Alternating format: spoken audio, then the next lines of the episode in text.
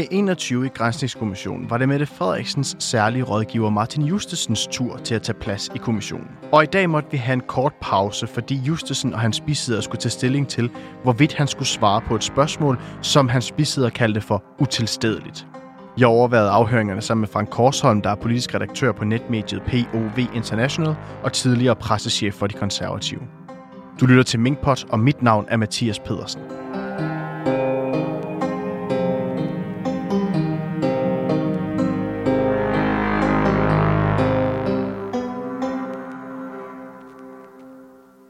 Så blev det øh, Martin Justesen, særlig rådgiver for Mette Frederiksen. Det blev hans tur.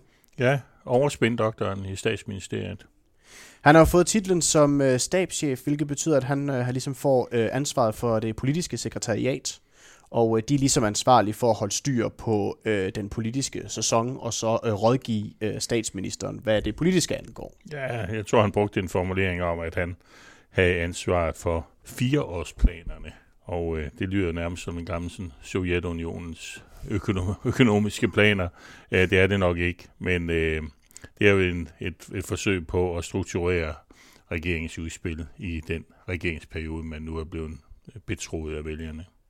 Og øh, noget af det første, som kommissionen tog fat på, eller i hvert fald udspørgen Jakob Lund Poulsen, det var de her sms'er. Det er jo et tilbagevendende emne for, øh, for kommissionen af, og øh, de vil jo gerne høre ind til, hvordan den her øh, automatiske sletningsfunktion, den blev sat til på Martin, Martin Justesens øh, telefon. Ja, nu er Martin Justesen jo en, en ung mand i starten af 30'erne, som øh, forstår at beherske en telefon. Det er jo ikke noget, der kræver en helt stor ingeniøreksamen at, at sætte den slette funktion til. Så det øh, det kunne han godt selv finde ud af, men han, han fortalte jo, at han var blevet rådgivet af Barbara Berlsen til det, og, og det vidste vi jo sådan set godt, fordi det er en rådgivning, der også har fundet sted af, af statsministeren. Men noget af det, han lige vil fortælle, det er, at departementchefen var meget opmærksom på IT-sikkerhed helt generelt, da hun øh, tiltræder som, som departementchef i statsministeriet.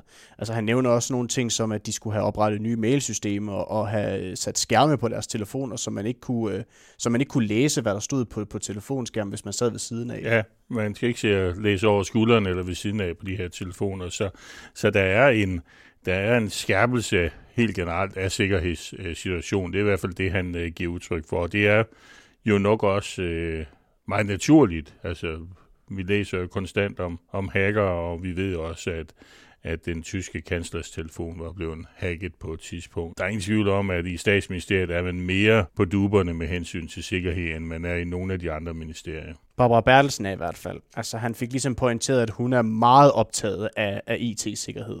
Martin Justesen, han øh, bliver jo først sådan informeret omkring øh, Mink-situationen en gang i, i juni, og det har egentlig ikke rigtig den, øh, den store betydning. Han ser det ligesom bare, at han får en orientering om, at nu der øh, konstateret nogen, noget, noget smitte på en minkfarm, og så er han faktisk egentlig ikke mere indblandet i minksagen lige i den periode. Nej, det er han ikke. Øh, det er jo de udbrud, vi har hørt så mange gange nu om i øh, for Nordjylland. Øh, hvor der er udbrud i, i tre minkfarme, og de bliver jo slået ned i, i starten af juli. Vi ved, at Mette Frederiksen reagerer lidt på det, med efter at hun har orienteret om, at de bliver slået ned, så sender hun jo en, en besked om, at øh, hvor hun tager det af notam, men også ligesom tilføjer tvivler på, at det er nok. Og det er, jo en, det er jo en besked ned i hendes eget system, og det bliver jo ligesom også opfanget af de vidner, som vi har hørt, bliver afhørt i Mink-kommissionen indtil videre, at, at det, det signalerer jo ligesom en, en linje, vi skal have næsten i sporet på det her.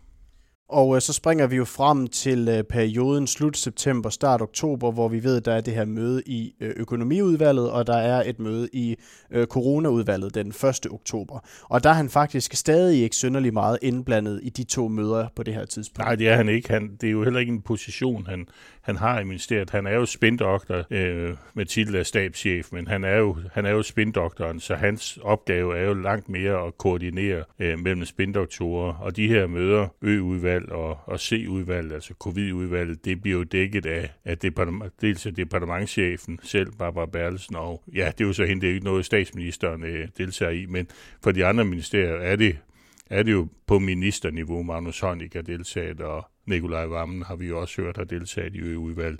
Så det ville være helt upassende, at der kommer en spindoktor og deltager i de møder der, hvor han faktisk først for alvor får en central rolle i sagen, det er, der, øh, da Kåre Mølbak han har været til møde med Copenhagen før. For der bliver han jo informeret af Søren Andersen, som er særlig rådgiver for Mogens Jensen, og siger, at den er helt gal nu, fordi at Kåre Mølbak jo har øh, breaket den her risikovurdering over for Copenhagen før.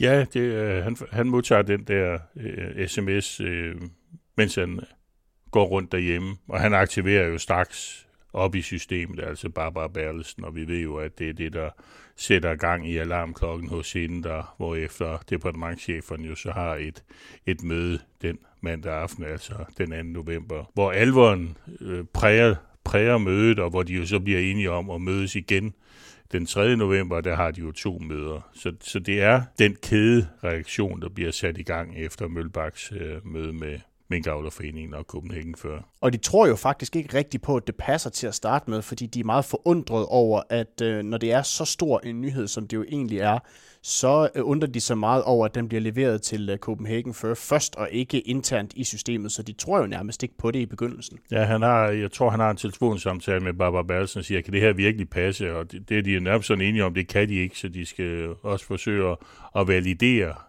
Øh, man skal jo ikke bare øh, sætte øh, hele verden i bål og i brand, hvis det er sådan, der taler om, om en, øh, en falsk oplysning. Men det er jo så det, som Barbara Berlsen sådan set får valideret, fordi det hun gør, er jo at ringe til departementchefen i, i uh, Sundhedsministeriet, altså Per Ockels, som jo på det tidspunkt allerede har haft fat i, i Mølbak, eller i hvert fald uh, taler med ham. Han er jo også i højeste alarmberedskab. Og så går Martin Justesen jo også i gang med at finde ud af, hvad der er op og ned, fordi at øh, der er jo planlagt en spørgeteam i, øh, i Folketinget med Mette Frederiksen. Og han skal jo klæde hende på til den politiske del af det. Og derfor så skal han også forberede statsministeren på, hvis hun bliver spurgt ind til noget af det her. Fordi det er sådan, at øh, de må ikke ligge inde med en viden, øh, som de ikke øh, giver for Folketinget, hvis de bliver spurgt, fordi hun jo taler under sandhedspligt, når hun står inde i Folketingssalen. Ja, det, det, det er jo noget af en gang. Altså, hvor meget skal man give af den viden, som øh, ja, man har fået lidt under hånden, eller som man er ved at, at, at krasse ind i, i, i statsministeriet på det her tidspunkt. Og man, man kender jo ikke spørgsmålene. Der kan jo komme spørgsmål fra øh, ja, om, om alt muligt. Så, så der er jo sådan en form for nervøsitet. Altså, man er jo nødt til at at svare på de spørgsmål, men du er også nødt til at svare på de spørgsmål med, med, øh, med den validerede viden, du har. Øh, og, og øh, så så der, der, der foregår jo, der er jo en hektisk aktivitet øh, med hensyn til at blive klogere på, på, øh, på sagen. Men der dukker, så vidt jeg husker, ikke nogen farlige spørgsmål op i spørgetimen. Den var jo så planlagt til tirsdag den 3. november, og den bliver jo så udsat til onsdag den 4. november. Og jeg ved sådan set ikke, om den bliver afholdt onsdag den 4. Det, det er i hvert fald ikke en begivenhed, der, der sådan har sat sig i, i uh, historien, eller spiller nogen rolle i Mink-sagen. Men noget, der har uh, skrevet sig ind i historien, når det kommer til mink sag det er jo det her møde på koordinationsudvalget den uh, 3. november, hvor uh, beslutningen bliver truffet. Og der fortæller Martin Justesen jo, at han uh, jo selvfølgelig deltager. Uh, han sidder med uh, hjemmefra uh, på en, uh, på en, en Skype-forbindelse, ligesom så mange andre. Ja, det gør de alle sammen, og, og det han bliver spurgt ind til der, det er jo, det er jo den notesblok, private notesblok, som Magnus Heunicke øh, i sidste uge, altså sundhedsministeren, jo lige pludselig hæve frem, ikke under mødet, han havde afleveret den til min kommission nogle dage forinden, men det er jo kommet som en meget stor overraskelse for, for alle. Altså man troede ikke, der var noget, der måske kunne overraske de centrale øh, personer i statsministeriet, men det har det altså gjort. De var ikke klar over, at, at øh, Magnus Heunicke lå inde med private optegnelser og private noter fra, fra det møde. Det er jo et møde, der ikke er noget referat fra. Og det, man skal også lige understrege, at, og det har Magnus Heunicke også gjort utallige gange, at hans noter jo ikke er fyldesgørende. Det er meget der, det jo i stikordsform, hvor man ligesom skal gætte sig lidt frem til, hvad den samlede mening er af det. Og fordi at øh, den her notesblok her jo sådan set kom som en overraskelse for alle, så bliver øh, Martin Justesen faktisk også spurgt ind helt konkret til den her notesbog, og øh, bliver spurgt ind til, hvorvidt han har drøftet det, der kom frem fra Magnus Heunickes afhøring omkring den her notesbog med nogen i statsministeriet. Og det skaber en lille bitte smule, hvad skal man sige, lidt verbal tumult inde i afhøringssalen. Ja, man kan jo bruge mange ord om det, drama, tumult, eller eller en, en naturlig pause. Det var i hvert fald det, det blev til, fordi øh, udspørgeren Jakob Holm stiller ham jo i en lille, i, i en lidt umulig situation, fordi jeg tror, de fleste godt er klar over, at når sådan en, en øh, ny ting dukker op i Mink-kommissionen, så taler man om det i statsministeriet. Det ville være helt unaturligt, men øh, Martin Justesen og Barbara Bertelsen har et meget, meget tæt øh, samarbejdsforhold og er sammen i timevis øh, hver eneste dag. Det vil være meget utroværdigt, hvis han svarer, at, at det, øh, det har vi sørme der ikke snakket om, fordi selvfølgelig har de snakket om det. Men overfor det valg, at lyve. Han kunne have sagt, at det, det har vi ikke snakket om. Så ville alle have sagt, at det kan i hvert fald ikke passe. Men alternativt, så bliver han jo mistænkeliggjort. Har de så koordineret det, de skal sige, og hvad der skete. Så han, øh, det er jo et valg mellem, øh, mellem pest og kolera for ham. Han bliver jo en lille bitte smule stresset lige der. Det kan man faktisk ret tydeligt se. Og i starten så siger han jo faktisk, at han ikke ønsker at svare på spørgsmålet, fordi det kan han jo. Det har han jo i sin frie ret til at sige, jeg ønsker ikke at svare på spørgsmålet. Der får han lige lidt hjælp fra udspørgen Jakob Lund Poulsen, som siger, øh, øh, det kan være, at vi skal tage en lille pause, og så kan du måske lige drøfte det her med dine bisider, inden vi, øh, vi tager Ja, det er jo så det, de gør. Han kommer så tilbage og siger, at I må, I må godt spørge ind til det, fordi det ville jo have været dybt, dybt utroværdigt, hvis han havde sagt, at, at, øh, at jeg ikke har talt med Barbara Berlsen om det. Og hans bisidder bliver faktisk en lille bitte smule sur over det her spørgsmål her. Hun, øh, hun siger faktisk, at det er på grænsen til utilstedeligt simpelthen, fordi hun ja. føler, at hendes øh, klient simpelthen bliver mistænkeliggjort for at have koordineret sin, øh, sin forklaring med Barbara Bertelsen. Præcis, og det er jo det valg, han står over for. Skal jeg være utroværdig, eller skal jeg lade mig mistænkeliggøre? Og han vælger så det sidste, at blive mistænkeliggjort.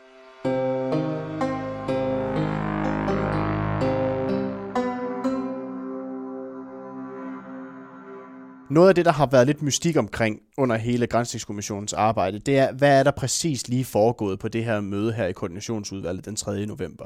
Hvordan har talerækkefølgen været? Og hvem sagde hvad? Og hvem er det, der lige pludselig kommer med ideen om, at alle mink, de skal aflives? Og det blev ligesom det, de centrale spørgsmål under afhøringen af Martin Justesen i dag omkring den 3. november. Ja, det er jo fordi, at uh, Magnus Heunicke lægger sin notesbog frem i sidste uge, så kommer det jo til at fremstå som om, at det er departementchefen i Justitsministeriet, Johan Christian Legard, som, som ligesom øh, indleder mødet og konkluderer allerede i sin indledning, alle mink skal dø, eller alle mink skal aflives. Og det var der også mange medier, som gjorde et stort nummer ud af i, i, i sidste uge. Og det går Martin Justesen i rette med og siger, ja, altså, sådan er det altså ikke foregået. Det ville også være meget, meget mærkeligt, hvis, hvis det var en departementschef, som indledte mødet og som konkluderede øh, på allerede i sin indledning. Så, øh, så det siger han, det, det er simpelthen ikke sandt. Det, det kan godt være, at han har sagt noget med, at alle mink slås ihjel. Jeg tror, det er sådan sætningen er, alle mink slås ihjel. Men i givet fald, så er det noget, der har relateret sig til den proces, som, som jo Fødevareministeriet, øh, og Fødevarestyrelsen og, og Nosten jo var i gang med at slå mink ned i zone 1 og i zone 2 på det, på det her tidspunkt. Så, i, så, så det er den sammenhæng, man i givet fald skal se det i. I hvert fald, i hvert fald så slår han fuldstændig fast, Jan, altså med, med syvtommer søm, at, at øh, Legard har i hvert fald ikke anbefalet den model, som jo ender med at blive vedtaget. Det, det ligger slet ikke øh, hos en departementchef, og det ligger heller ikke så tidligt i mødet. Det er noget, man snakker sig frem til under mødet. Men man kan jo godt forstå, at udspørgen bor lidt i det, fordi vi har ikke rigtig kunne få svar på, hvem det egentlig er, der pludselig foreslår, at øh, alle mink skal aflives. Det er lidt ligesom om, at øh, alles forklaringer går lidt på, at det var ligesom noget, der bare opstod det i kom, lokalet. Det kom ligesom af sig selv, og det, der var til synligheden ikke, altså flere viner har jo gentaget øh, den samme historie, og det er, den, det er ligesom opstået øh, ud, af, ud af samtalen. Det er jo ikke ud af ingenting, fordi samtalen har handlet omkring mink, og den har handlet omkring øh, SSI, altså Statens Serum Instituts øh, risikovurdering, som var meget alvorlig, at, at mink udgjorde, minkavl i Danmark udgjorde en alvorlig risiko for sundheds, øh, øh, folkesundheden. Og, øh, og, og det er jo hele omdrejningspunktet. Og der i, og, og så ser de at tale om, hvad skal vi så gøre, og, øh, og hvem det så er, der siger, at vi skal slå alle mink ihjel. Det har vi i hvert fald ikke fået sat nogen, noget øh, konkret navn på endnu det var meget tydeligt, at øh, Martin Justesen han i hvert fald havde tre klare pointer, som han rigtig gerne ville øh, ud med i forhold til øh, mødet på koordinationsudvalget den 3. november. Et, det var, at det var ikke øh, legat fra Justitsministeriet, der ligesom bragte på banen, at alle mink de skulle slås ned. Og at øh, konklusionen på den beslutning, der blev truffet, var, at alle mink skulle slås ned, men det var ikke en lukning af erhvervet eller et forbud mod mink fremadrettet. Og så det sidste, det var, at Mette Frederiksen, hun tre gange spurgte, om det her det virkelig var den eneste udvej, om det virkelig var nødvendigt at slå alle mink ihjel. Ja, det var øh, det, især det sidste, øh, altså at Mette Frederiksen spurgte ind til, om det var nødvendigt.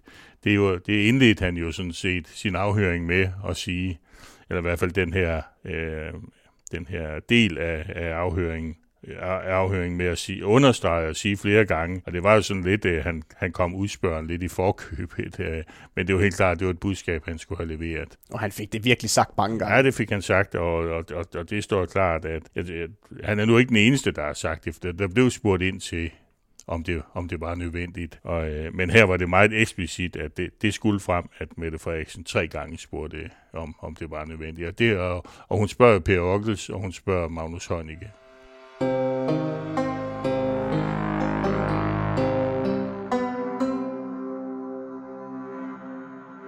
Så kort tid efter, altså den 7. november, øh, få dage efter beslutningen den er blevet truffet, så øh, begynder der jo at opstå lidt kritik i pressen i hvert fald omkring det grundlag, man har stået på øh, i forhold til den her øh, beslutning her. Der videresender han jo nogle pointer til, øh, til Jønsson, altså øh, den særlige rådgiver i øh, Sundhedsministeriet fra Barbara Bertelsen, fordi at han gerne vil have, øh, de gerne vil bidrage til nogle pointer i forhold til, hvad forskere og andre har været ude at sige for den her forbindelse, for ligesom at styrke deres argument for, hvorfor de har truffet den her beslutning. Ja, altså det, det handler jo om at, at få de rigtige budskaber ud. Altså man er jo godt klar over, at det er en historisk beslutning, man har truffet, og alle mink skal, skal slås ihjel, og, og vi har jo hørt dramaet udspille sig omkring pressemødet, som jo fandt sted den, den, 4. den 4. november, hvor der blev sms'et ind til Kåre Mølbak. Altså det var jo, det var jo Per Ockels, der sms'ede ham og, og bag ham om at, og, at finde, finde risikovurderingen frem igen, fordi at Kåre Mølbak var på vej ud af et tidsspor omkring spikeprotein og, og, og, og andre budskaber, som den store del af befolkningen nok ikke havde forstået, og det, der, der spillede Barbara Bertelsen jo også en rolle i den. Så Barbara Bertelsen, altså hun pressede Per Ockels til at, at sende den her sms. Så Barbara Bertelsen er meget optaget af, at, at, at man får fortalt den rigtige historie, altså historien om, hvor alvorligt det er, altså at, at mink øh, udgør en risiko, og, og, øh, og, og øh, risikoen for vacciner osv. Altså få en fælles øh, fortælling omkring den beslutning. Og en ting er, at der skal håndteres øh, det faglige grundlag, altså debatten omkring det faglige grundlag, man stod på. Det næste, der jo så sker, det er, at dagen efter, så begynder lovhjemmelspørgsmålet jo så at øh, dukke op. Og jeg tror faktisk, han får sagt, at han har fødselsdag den 8. november. Ja, han er vist ude at gå en tur på i Vestskoven eller på Vestvolden. Det var et eller andet, øh, han fandt sig selv et, et mærkeligt sted på Vestegnen i hvert fald.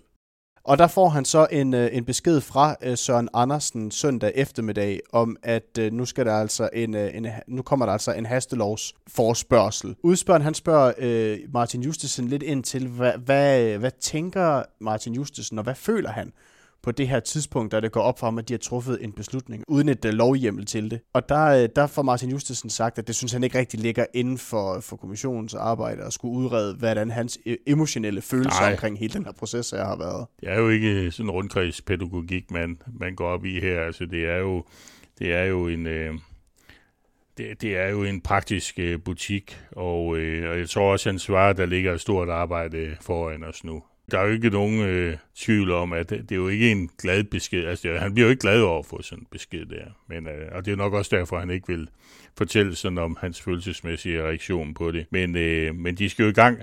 De skal jo til at han kan jo se, at nu ligger der bare noget robotsarbejde foran, og, øh, og, og, og, og, og en sag, som, øh, som kommer til at volde problemer.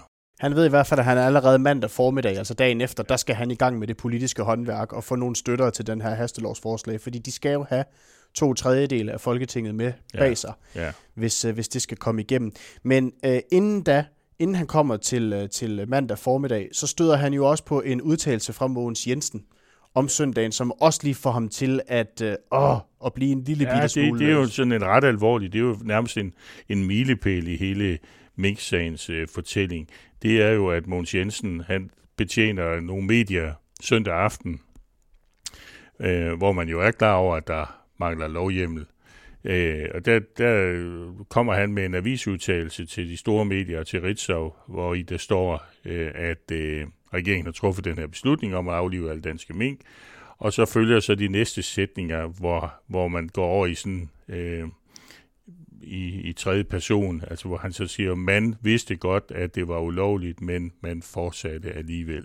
Og det er jo været genstand for stor fortolkning. Hvad, hvem er det, man refererer til, når man skriver mand? Og øh, det har Måns Jensen og hans spindoktor Søren Andersen jo udlagt det som om, at det men det var Fødevareministeriet, Fødevarestyrelsens brev, som blev sendt ud den, den 6. Det var det, man godt vidste. Det, det var nødvendigt, til trods for, at man så senere har fundet, fandt ud af, at der ikke var lovhjemmel. Hvorimod Barbara Berlsen har givet udtryk for, det gjorde Martin Justesen så også i dag, at det, man kunne relatere sig til regeringsbeslutningen, altså enten til K-udvalgsmødet, altså beslutningen bliver truffet der senere aften den 3. november, eller til pressemødet den 4.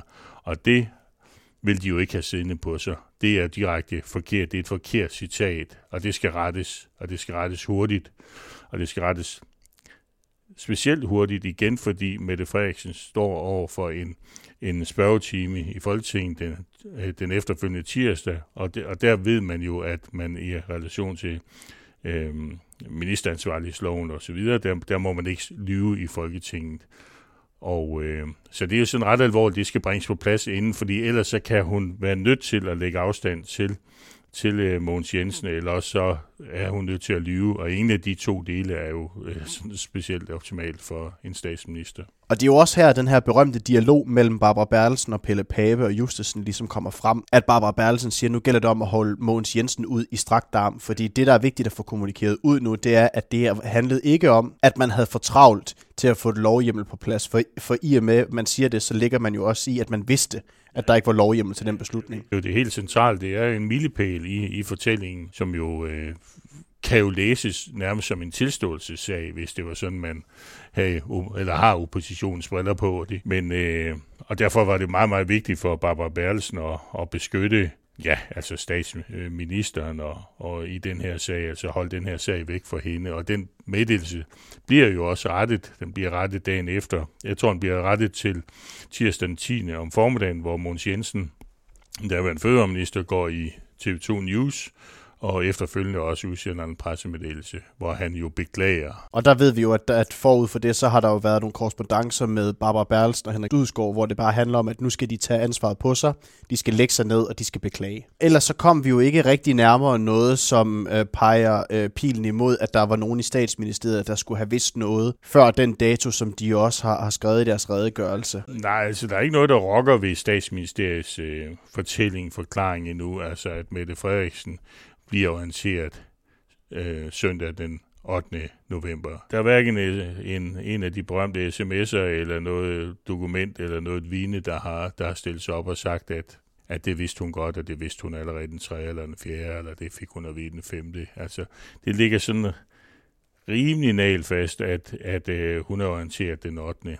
Der er i hvert fald ikke noget, der har ændret på den forklaring, eller rokket ved den forklaring.